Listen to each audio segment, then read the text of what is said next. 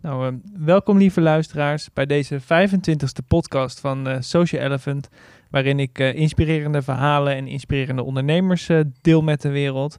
Nu zit ik hier met Edith Brouwer en die weet alles over loyaliteit versnellen. En die loyaliteit die wordt nogal versneld bij medewerkers, maar ook bij klanten.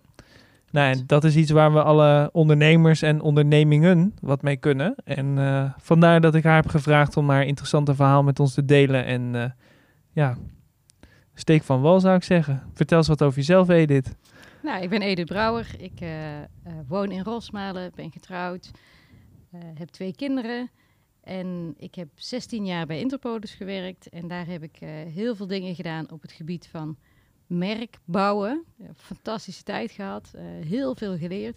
En uiteindelijk heb ik ook heel veel gedaan aan onderzoek en aan ja, leren wat vinden mensen van je merk, maar ook wat vinden mensen, medewerkers van je bedrijf, hoe betrokken zijn ze daarbij en ook klanten, hoe betrokken zijn klanten. En ehm, nou ja, mijn, mijn definitie van loyaliteit heeft te maken met, zou je morgen als medewerker of morgen als klant weer voor jou als organisatie kiezen omdat je dat vanuit je hart wil en niet omdat je dat vanuit financieel oogpunt wil. Dus loyaliteit is dan een niet financieel gedreven factor om met iemand eh, samen te werken. Dat klopt. En uiteindelijk heeft het wel een hele financiële component als resultaat. Maar voor mij begint het bij: ben je vanuit je hart verbonden met de organisatie? Of heb je het gevoel, ik moet hier zijn, maar brandt eigenlijk het vuurtje helemaal niet meer? Ja, nu, eh, nu blijken natuurlijk uit de onderzoeken dat de meeste organisaties en bij de meeste medewerkers en werkgevers misschien ook wel eigenlijk het eh, vuurtje niet zo brandt. Dus dan lijkt het me logisch dat het nu al tijd is om loyaliteit is, eh, aan te snijden. Of doe ik een gekke conclusie? Voor mij is dat helemaal waar. want er zijn heel veel onderzoeken gedaan al waaruit blijkt dat nog geen 20% van de Nederlandse medewerkers vindt dat ze elke dag bezig zijn met de dingen waar ze het allerbest in zijn. Nog geen 20%. Ja, dan is er nog een enorme potentie eh, ja, waarin zij ja, dingen kunnen doen die echt bij hun hart passen, waarin ze uitgedaagd worden in hun talenten. En ook waarin ze zelf naar voren brengen waar hun talenten liggen. Want dat is wel een wisselwerking tussen werkgever en werknemer. Hè, dat bepaal je samen. Het is niet zo dat, de, dat de, het bedrijf het uit de ander moet trekken. Dat doe je met elkaar. Ja. En eh, hoe goed weten mensen dan wat hun talenten zijn? Ehm, ik denk dat daar nog heel veel te winnen is ook. Hè. Dat zou ook mooi zijn om daar in het onderwijs meer aandacht aan te besteden. Ik merk zelf dat ja, mijn kinderen die zitten in de leeftijd van 19 en 17 en die zijn ook aan het zoeken. Wat past bij mij? Wat wil ik doen? En ja, eigenlijk krijgen ze vooral aangereikt, je moet de goede keuze maken. Maar ja, je kunt geen verkeerde keuze maken als je maar bezig wil blijven met wie ben ik en hoe kan ik me ontwikkelen en dingen doen die echt bij mij passen. En dat- dat- volgens mij kun je er geen verkeerde keuzes in maken, want je kunt altijd bijstellen. Maar blijven doen waar je hart niet ligt, ja, dat, dat is volgens mij voor niemand goed. Dat is niet voor de medewerker goed, dat is niet voor de klanten goed en dat is ook niet voor de organisatie goed. En het klinkt een beetje als een, eh, als een open deur. Dat je denkt, ja, als je uiteindelijk merken gaat onderzoeken, beleving gaat onderzoeken, dan, Ja. dan kom je uiteindelijk bij loyaliteit. En dat is dan waarom kiest iemand voor een, een merk en gaat zijn hart daar dan sneller van kloppen. Ja. Eh, maar is dat dan zo'n open deur? Of? Ehm, het is lang niet altijd een open deur. Het, eh, kijk, ik ben bij Interpolis gaan werken. Dat vond ik een fantastisch bedrijf. Ik heb, de, ik heb daar heel veel bereikt en heel veel kunnen ontwikkelen. Maar ik had voor hetzelfde geld ook bij een andere organisatie kunnen gaan werken. En op zich vind ik dat, dat maakt niet zoveel uit. Want er zijn maar weinig mensen die echt specifiek bij één bepaald merk willen. Maar het is wel belangrijk dat als je ergens gaat werken of als je ergens koopt, dat je daar werkt of koopt, omdat ze ja, leveren of bij jou passen, omdat het goed voelt. En niet omdat je daar elke maand je salaris alleen maar van krijgt. En, en iedereen heeft verplichtingen, ik snap dat wel. Maar ik vind dat je vooral jezelf tekort doet als je, ja, als je vuurtje eigenlijk bijna helemaal uit is in een organisatie en je het gevoel hebt dat je dingen moet doen in plaats van dat je enthousiast wordt en dat je met nieuwe ideeën blijft komen en dat je elke dag blij naar je werk gaat en ja, dat je opstaat met veel energie en dat je ook weer met veel energie naar huis kunt gaan. Ja, en, eh, en hoe kan ik daar dan mee aan de slag als organisatie? Want ja, je hebt daar een methode voor bedacht, eh, de, de loyaliteitsversneller. Ja, nou in principe is het zo dat eh, er is al jarenlang heel goed onderzoek. En dat onderzoek is nu is dat een, een medewerker betrokkenheidsonderzoek en een klantloyaliteitsonderzoek. En ook al is er al jaren bekend dat die twee een effect op elkaar hebben, eigenlijk worden ze nog als losse elementen gezien. Hè, want als, als een medewerker blij is, dan wordt de klant vaak ook blij. Zeker als er direct klantcontact is. Als ik jou aan de telefoon krijg en jij eh, hebt bij wijze van spreken ruzie gehad met je vriendin, ja, dan kan dat zomaar effecten hebben op het telefoongesprek wat je hebt. En meestal ben ik dan heel blij als ik dan eindelijk die klant spreek en dat ik mijn vriendin dan niet spreek. Maar, ja, dan ben jij een uitzondering, Nico. ja. maar ja, ze hebben wel een effect op elkaar. ja, absoluut. En ehm, dus het is belangrijk voor bedrijven om te zorgen dat de medewerkers doen waar ze het beste in zijn. Maar dat ze ook weten van ja, wat is onze ondernemersdroom? Waarom doen wij dit? Wat willen wij voor klanten doen? En dat ze daarin meegenomen worden en dat zij daar ook enthousiast voor zijn. En als je er niet meer enthousiast voor bent, dan kun je echt beter kijken of je iets anders kunt gaan doen wat beter bij je past. En ja, veel mensen vinden dat eng, maar eigenlijk is het vaak een cadeautje als, het, als er een kans zich voordoet dat je iets anders kunt gaan doen. Maar goed, dat was jouw vraag niet. Nou ja, ja. nee, maar het is wel interessant. Want als je Ja. kijkt naar de, de Chinese cultuur ook, daar wordt het woord crisis altijd eh, eh, getoond als een symbool van eh, gevaar en een, eh, een eh, symbool van kansen. ja, En inderdaad, als iemand eh, in, in Nederland, in deze best wel beschermende maatschappij met eh looncontract en zo, zie je nog dat best wel vaak mensen waarvan eigenlijk het vuurtje uit is, dat die nog op een plek zitten, terwijl ze misschien Klopt. wel veel gelukkiger worden ergens anders. ja. Ik, ik geloof er persoonlijk niet in dat je gelukkig kunt voelen of dat je voldoening kunt voelen, nog los van bezieling. Dat is er allemaal niet als je geen vuurtje meer hebt Nee. branden. En ja, ik ben, hè, misschien wijk ik af, dat kan ook. Maar voor mij is het heel belangrijk dat je als mens, ja, we worden allemaal geboren, is mijn beleving, met een bepaalde missie. En hoe meer mensen hun missie kennen en erkennen en herkennen, hoe mooier de wereld is. Want dan Ja. is er weinig overlap en dan is er weinig dubbeling. En, en er vallen er ook geen gaten. Ja, en, en ik streef er als mens naar om die situatie te kunnen bereiken. En ehm, nou ja, ik, ik heb dus de loyaliteitsversneller ontwikkeld om meer bezieling van binnenuit te brengen, zowel in de organisatie als naar klanten. Ja, want dit klinkt dan eh, vrij filosofisch, maar Ja. ik ken ook de wetenschapper in jou. Ja, Dus, dus die zal daar iets minder filosofisch in staan, of is dat hetzelfde? Eh, nou in principe staat hij er hetzelfde in, maar die wil natuurlijk wel concreet maken. Wat betekent dat voor een bedrijf en Ja. wat heb je daar dan aan? En eh, eigenlijk is het zo dat op het moment dat medewerkers goed in hun vel zitten, dan is aangetoond dat er minder mensen weggaan bij de organisatie, dat er minder ziekteverzuim is, dat klanten blijer zijn, dus dat je meer verkoopt, meer winst hebt, dat je minder marketingbudget nodig hebt, want mensen zijn van nature, hè, vanuit, hun, ja, vanuit hun binnenste zijn ze fan van je en dat vertellen ze verder. Dus je hebt minder marketingbudgetten nodig. Ja, en dat is allemaal aangetoond. En eh, er zijn dus nu die twee losse onderzoeken. En ik wilde heel graag een, ja, een, een eh, concept ontwikkelen waarin je kunt zien hoe is de medewerker betrokkenheid, hoe is de klantloyaliteit en ook wat is de interactie tussen die twee. Dat heb ik ontwikkeld, maar dat heb ik op een manier ontwikkeld en dat is denk ik echt wel nieuw in Nederland. Heb ik op een manier ontwikkeld die niet. eh, eh, ja, heel veel onderzoeken zijn heel lineair. Dus je hebt een hele slimme vragenlijst, maar er is niet eh, altijd een onderlegger. ehm, als je dan resultaten hebt, waar je aan welke knop je zou kunnen draaien.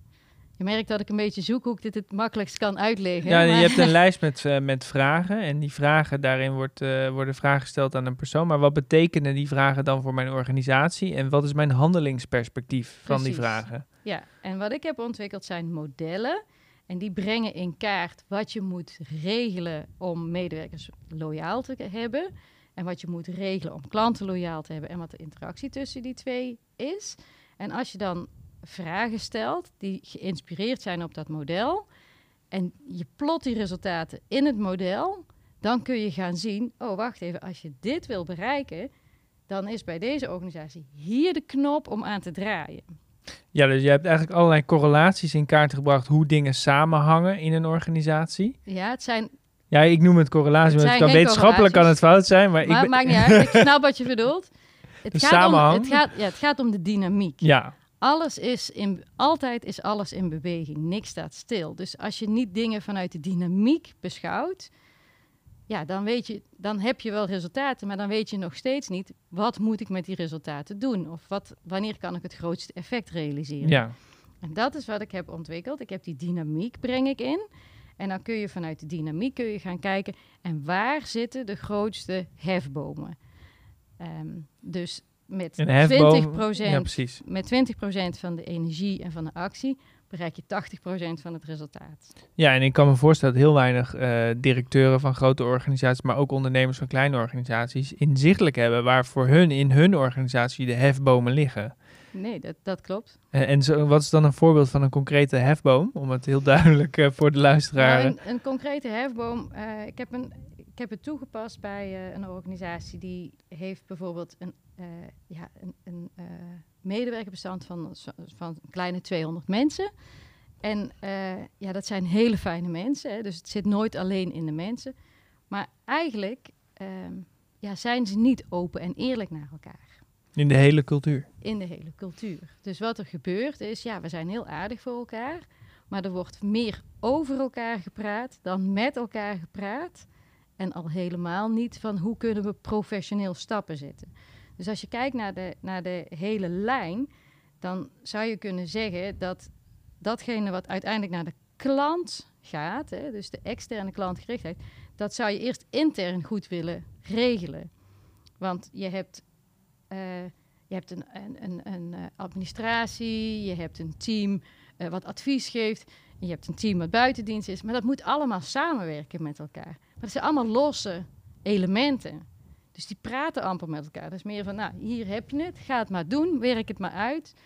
Maar allemaal met halve informatie, waardoor je ook halve informatie bij je klant krijgt. En dat heeft mega veel effect. Dus die klant die denkt, ja, ik heb toch een goed gesprek gehad met die salesman en ik zie het helemaal niet terug in mijn voorstel.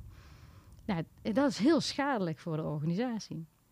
Ja, dat klinkt ook alsof het ook wel heel erg de cultuur in kaart brengt. Van hoe, hoe communiceren mensen eigenlijk in de organisatie met elkaar en wat willen mensen? Ja, het en- brengt eigenlijk alle aspecten in kaart. Dus het brengt cultuur zeker, zowel de interne als de externe, maar het brengt ook wat meer de harde kant eh, naar boven. Hè. Dus je kunt, het, het- je kunt er ook achter komen, shit, we hebben eigenlijk eh 40% rework. Dus we moeten hier een, eh, een auto maken. En in plaats van dat die auto gewone banden heeft die bij die auto passen, hebben we er shit, hebben we er tractorbanden onder gezet. Ja, dat klopt eigenlijk niet. En dat is heel veel rework en dat breng je ook in kaart. Dus het is eigenlijk een doorsnee van alle niveaus. Dus het, de zachte kant, het emotionele niveau, de manier van samenwerken, maar ook ja, kennen we eigenlijk wel eh, onze bedrijfsdoelstellingen en onze persoonlijke doelstellingen en in welke mate neem ik initiatief in dingen. Dus dat, dat werkt allemaal samen. En ja, mijn idee zou zijn dat je eerst begint met de medewerkerkant en dan de klantkant. Of dat je ze meteen combineert. Maar dan- Ja, dan zie je dus welke interne dingen eigenlijk ook gevolgen hebben bij klanten. Want als er veel rework is en mensen Ja. zijn daar niet blij mee, dan heeft het ook weer gevolgen voor de klant en de relatie met de klant. En als er dan nog ook niet gecommuniceerd mag worden over fouten en, op- en oplossingen, dan, dan krijg je mooi alles bij elkaar. Precies. En dan heb je een prachtig bedrijf wat enorm succesvol al is, maar wat nog zoveel succesvoller kan zijn. Ja, en dat, ik vind het mooi om daar een bijdrage in te leveren om, ja, om, om te zorgen dat de organisatie meer zichzelf kan zijn, maar ook dat de medewerkers meer zichzelf kunnen zijn. En dat de klanten krijgen wat ze hebben gekocht of wat ze nodig hebben en dat zij dan ook vaker terugkomen. Ja, want traditioneel gezien is het heel makkelijk om als organisatie elke keer je missie, je visie en je strategie te herzien. Ja. Eh, maar misschien was je missie, en visie en strategie niet zo gek. Alleen heeft niemand eh, acteert ook na die missie, visie, en strategie. Ja. Heb jij daar een beeld? Is het ook echt zo dat vaak die missie, visie en strategie ook in de organisatie dan leven? Of zie je dan ook als je het gaat analyseren dat eigenlijk dat totaal andere werkelijkheidsbeeld is? Ja, helaas is het vaak het laatste. Dus dat die wel wordt opgesteld en daar wordt echt effort in gestoken. Maar dat moet je levend houden. En niet alleen levend houden, je moet het ook concreet maken. Dus als ik bij finance zou zitten, is bijna niet voor te stellen, maar Nee, stel, ja. Oké. stel je voor dat ik bij finance zou zitten, dan moet ik wel weten, als je lef als, eh, als, als kernwaarde hebt, wat is dat dan? En wat betekent dat dan voor mijn werk? En wat mag ik wel doen en wat mag ik dan niet doen? Dat, als je dat niet concreet maakt, als je dat niet doorvertaalt naar alle posities, dan kun je er nog niet zoveel mee. En, en dat is wat er vaak gebeurt in organisaties, dat het nog te hoog over is, waardoor het mensen geen houvast geeft om ernaar te werken. En een tweede aspect wat, eh, wat ik eh, regelmatig meemaak, is dat ze er wel zijn. Ehm, dus dat is wel de identiteit die een bedrijf wil hebben. Dus dat is eigenlijk de, eh, de East-situatie, maar de Sol-situatie is vaak heel anders. Hè, onder invloed van politiek veld of van wat er in de omgeving speelt. Dat kan van alles zijn. Maar ja, dat betekent wel dat het in die end anders kan zijn dan wat er verteld wordt. En ook dan is dat voor een organisatie schadelijk. Want als je A zegt en B doet, dan geloven klanten het niet meer. Ja, het, het klinkt een beetje alsof het een bedrijfskundig model is, waarbij er eh, eh, eh, onderzoek aan gekoppeld is, waardoor de bedrijfskundige informatie ook daadwerkelijk van de klanten en de medewerkers komt. Mhm. In plaats van dat een onderzoeksbureau een aantal kwalitatieve gesprekken heeft gevoerd en daar een conclusie op verbindt en dan weer weg is. En dat, het, dat, het niet, en dat er nu continuïteit in is, doordat je de organisatie in beeld hebt en de bedrijfskundige modellen weet van hé, hey, daar liggen de hefbomen, zoals Ja. jij noemt, waar ik aan kan draaien, of de knoppen waar ik aan kan draaien. En dat betekent ook dat je dat eh, kunt blijven analyseren en kunt hervragen. En dus dat je eh, eigenlijk vrij complexe grote organisaties kunt gaan sturen op die manier. Ja, dat is precies waar het over gaat. Hè. Je gaat eigenlijk voor de langere termijn ga je kijken als ik loyaliteit wil beïnvloeden. En, en dat heeft dus echt bedrijfskundig heel veel effect. Als ik dat wil beïnvloeden, waar sta ik dan nu? Dus eigenlijk maak je een soort foto van waar staan we nu. Alles is goed. Eh, en dan ga je kijken, waar zitten nu de acties? Dus je krijgt door die dynamiek van die modellen krijg je inzicht in de acties die je kunt gaan doen. En dan pak je die op. En dan kun je na een jaar of na twee jaar doe je, doe je een nieuwe meting. En dan ga je, kun je kijken, nou, waar kan ik dan aan werken? Ja. En wat er nu in heel veel organisaties eh, gebeurt, is dat er wel gemeten wordt, maar dat het meer wordt beschouwd als managementinformatie. Dus er zijn wel KPI's eh, op vaak, Eh, maar er wordt eigenlijk te weinig in gestuurd. Dus het is informatie die gevolgd wordt en veel minder wordt benut om toe te passen, zodat je er continu aan kunt werken. Ja, dus de verandering wordt ook niet naar gekeken en, en de acties erop niet naar gekeken. Maar het is meer dan, oké, we hebben een klantonderzoek gedaan. Oké, we weten het nu, wat gaan we nu doen? Ja, ik denk niet dat dat de intentie is. Nee. Hè? Dat, dat zal niet de intentie zijn, maar dat is wel vaak de realiteit. Hè? Dus dan, dan eh, scoren, eh, hè, scoren we een 7,4. Ja, en vorige maand was het een 7,6. Ja, wat hebben we dan nu anders gedaan? Ja, dat weten we eigenlijk niet. Nee, dus er is geen grip ook op. Dus niemand weet ook. Exact. En, en waar het voor mij om gaat, is als je onderzoek doet, eh, dan beloof je medewerkers en dan beloof je klanten, wij gaan iets doen met jouw feedback. Nou, niks zo frustrerend dan dat er niks mee gebeurt, behalve dat je het volgt.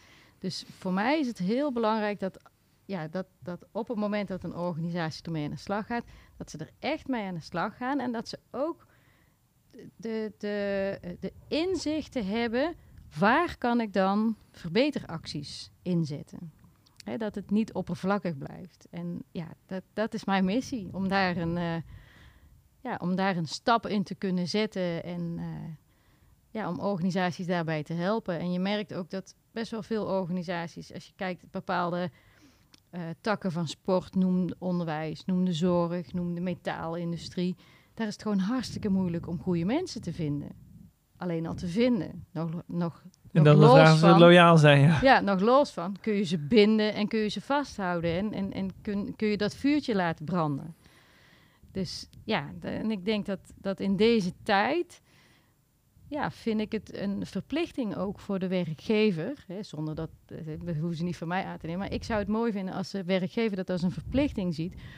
Net als eh, ontwikkeling van mensen, om daar een bijdrage in te leveren. Dat je gewoon echt actief kijkt naar hoe kan ik mijn organisatie zo gezond uh, mogelijk hebben. Niet alleen financieel, maar ook met zo gelukkig mogelijke mensen. Zowel Ja. hè, mensen die er werken als klanten die er kopen. Dan staat dan de algemene KPI loyaliteit in de breedste zin dan eigenlijk niet genoeg op de agenda.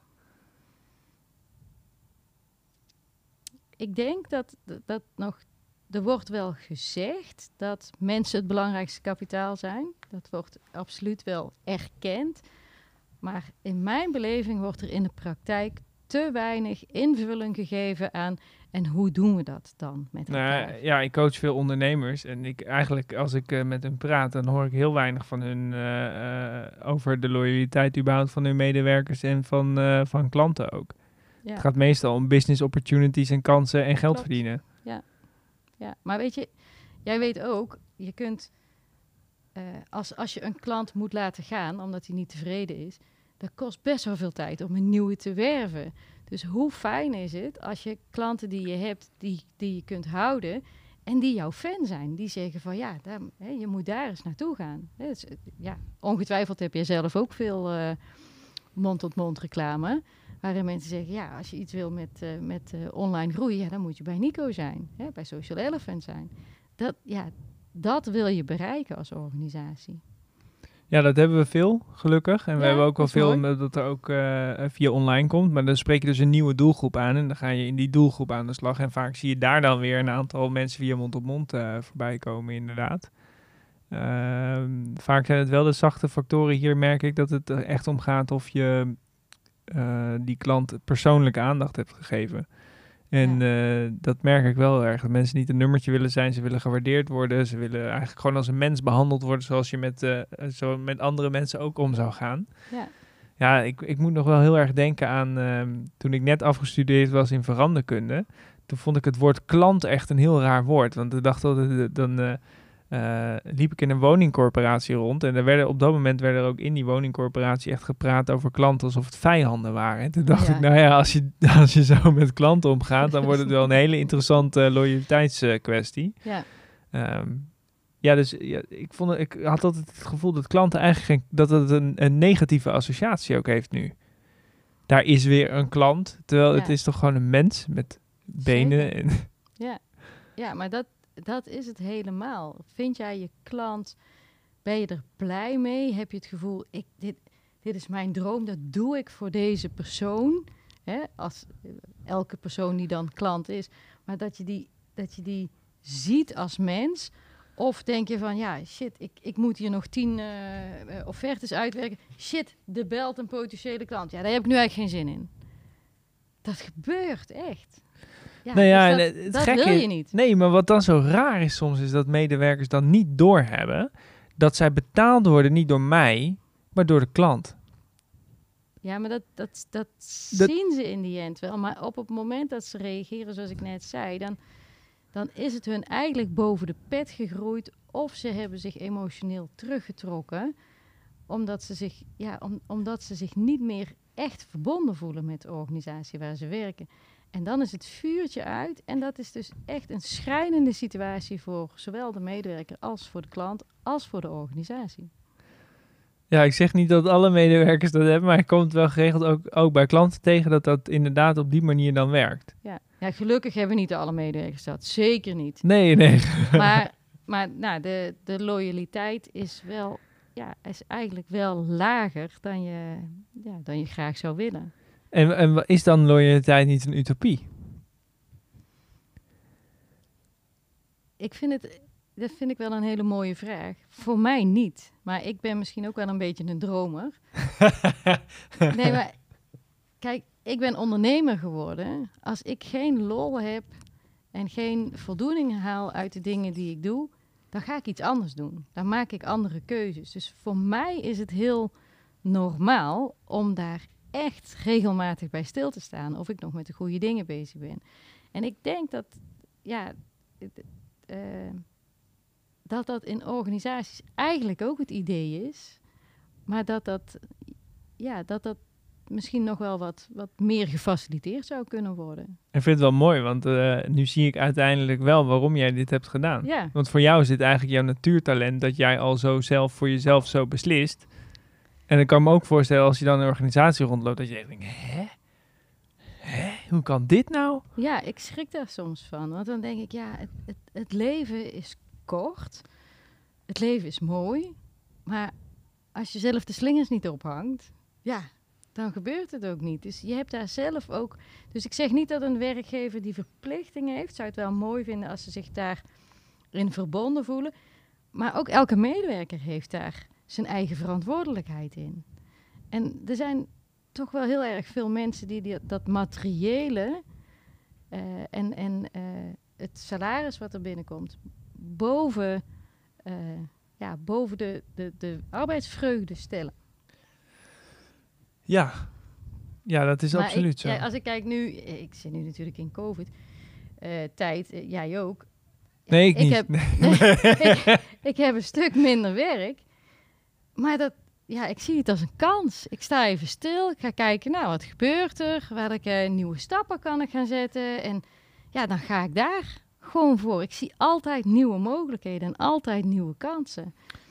Ja, ik heb zelf niet minder werk, maar wat ik wel heb is uh, dat het meer sociaal geaccepteerd wordt als je even niet zegt. En dat vind ik wel een goede vooruitgang.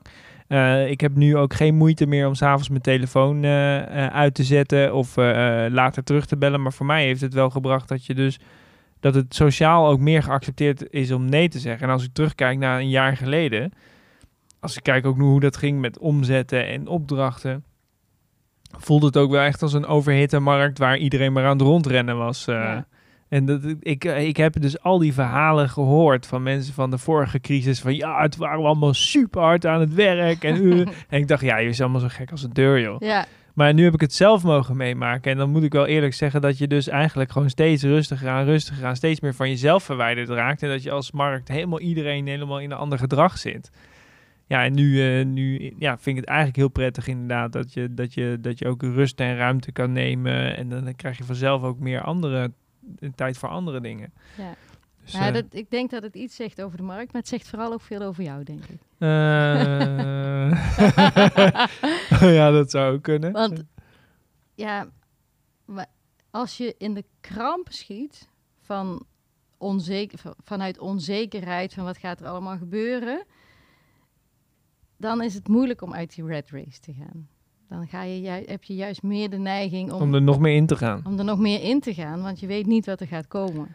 Nou ja, ik, ik, had, ik las natuurlijk, ik heb heel veel boeken gelezen. En op een gegeven moment lees je dan ook dat uh, Bill Gates, dat dan als het echt te druk werd, dan, uh, dan deed hij dit. Ja, benen op tafel sessie. Ja. Benen op tafel en dan zei hij, en dan uh, kwamen medewerkers langs en die zeiden, ja, ben je aan het doen? ik heb het te druk. Ja. Wat ik nu doe, dat gaat niet meer. Ik uh, kan niet meer uren in een dag, uh, weet je, ik moet het anders doen. Ja. Uh, en daar is inderdaad wel bij mij een mentaliteitsswitch. Ik zit de laatste tijd veel meer na te denken, oké, okay, ik heb dus niet meer uren in een dag. Heb ik dan of te veel werk? Wat kan ik delegeren? Klopt dat wel? En dan ga je dus eigenlijk op een strategische niveau nadenken. En dan komt er weer veel meer ruimte. Ja, maar dan heb je, eh, voordat je daar naartoe kunt gaan, heb je al een bewustzijnssprong gemaakt, want anders kom je daar niet. Nou ja, goed, misschien dat, dat heeft COVID mij gebracht wel. Die tijd Ja. om dan te reflecteren en te kijken, wat ga je daarmee doen? En eh, even rust. En eh, dus eh, Ja. goed, zo heeft het wel weer voordelen. Ja, maar dat is mooi, want eigenlijk gun je, ja, eigenlijk gun je dat iedereen. Dat je af en toe even gebruik kunt maken van, ik ga even stilstaan. Want mensen denken, ja, als ik stilsta, dan doe ik niks. Maar dat is niet waar. Wij, wij, zijn, wij zijn zo geprogrammeerd om vanuit rationele kant alles te willen beredeneren. Maar als je gaat stilstaan, dan ga je voelen. En je hart weet het wel. Ja, dat vind ik wel zo mooi aan het woord loyaliteit. Want je kunt dus ook aan een medewerker vragen, eh, voel jij je loyaal aan jezelf? Ja, Voel je je loyaal aan het bedrijf? In de zin, dus, en loyaal is best wel een bijzonder woord eigenlijk. ja. ja het is eigenlijk, ja, ben je trouw, hè? Ben je trouw aan jezelf, ben je trouw aan je klant en ben je trouw aan je organisatie. Eh, heb je ook de vraag erin zitten, ben je loyaal aan je partner? Nee, die heb ik Om, niet om te zitten. benchmarken van, er Nee. zit het in iemand zijn persoonlijkheid? Een, een goed idee om die toe te voegen. ja. Nou, dat is mooi om de podcast eh, mee af te sluiten. Ja. ja, mochten jullie meer weten, dan kunnen jullie volgens mij naar echtjezelf.nl Klopt. En en loyaliteitsversneller. loyaliteitsversneller. Ja. En eh, ja, ik wens jullie nog een hele fijne dag en tot de volgende podcast. Dankjewel. Dankjewel.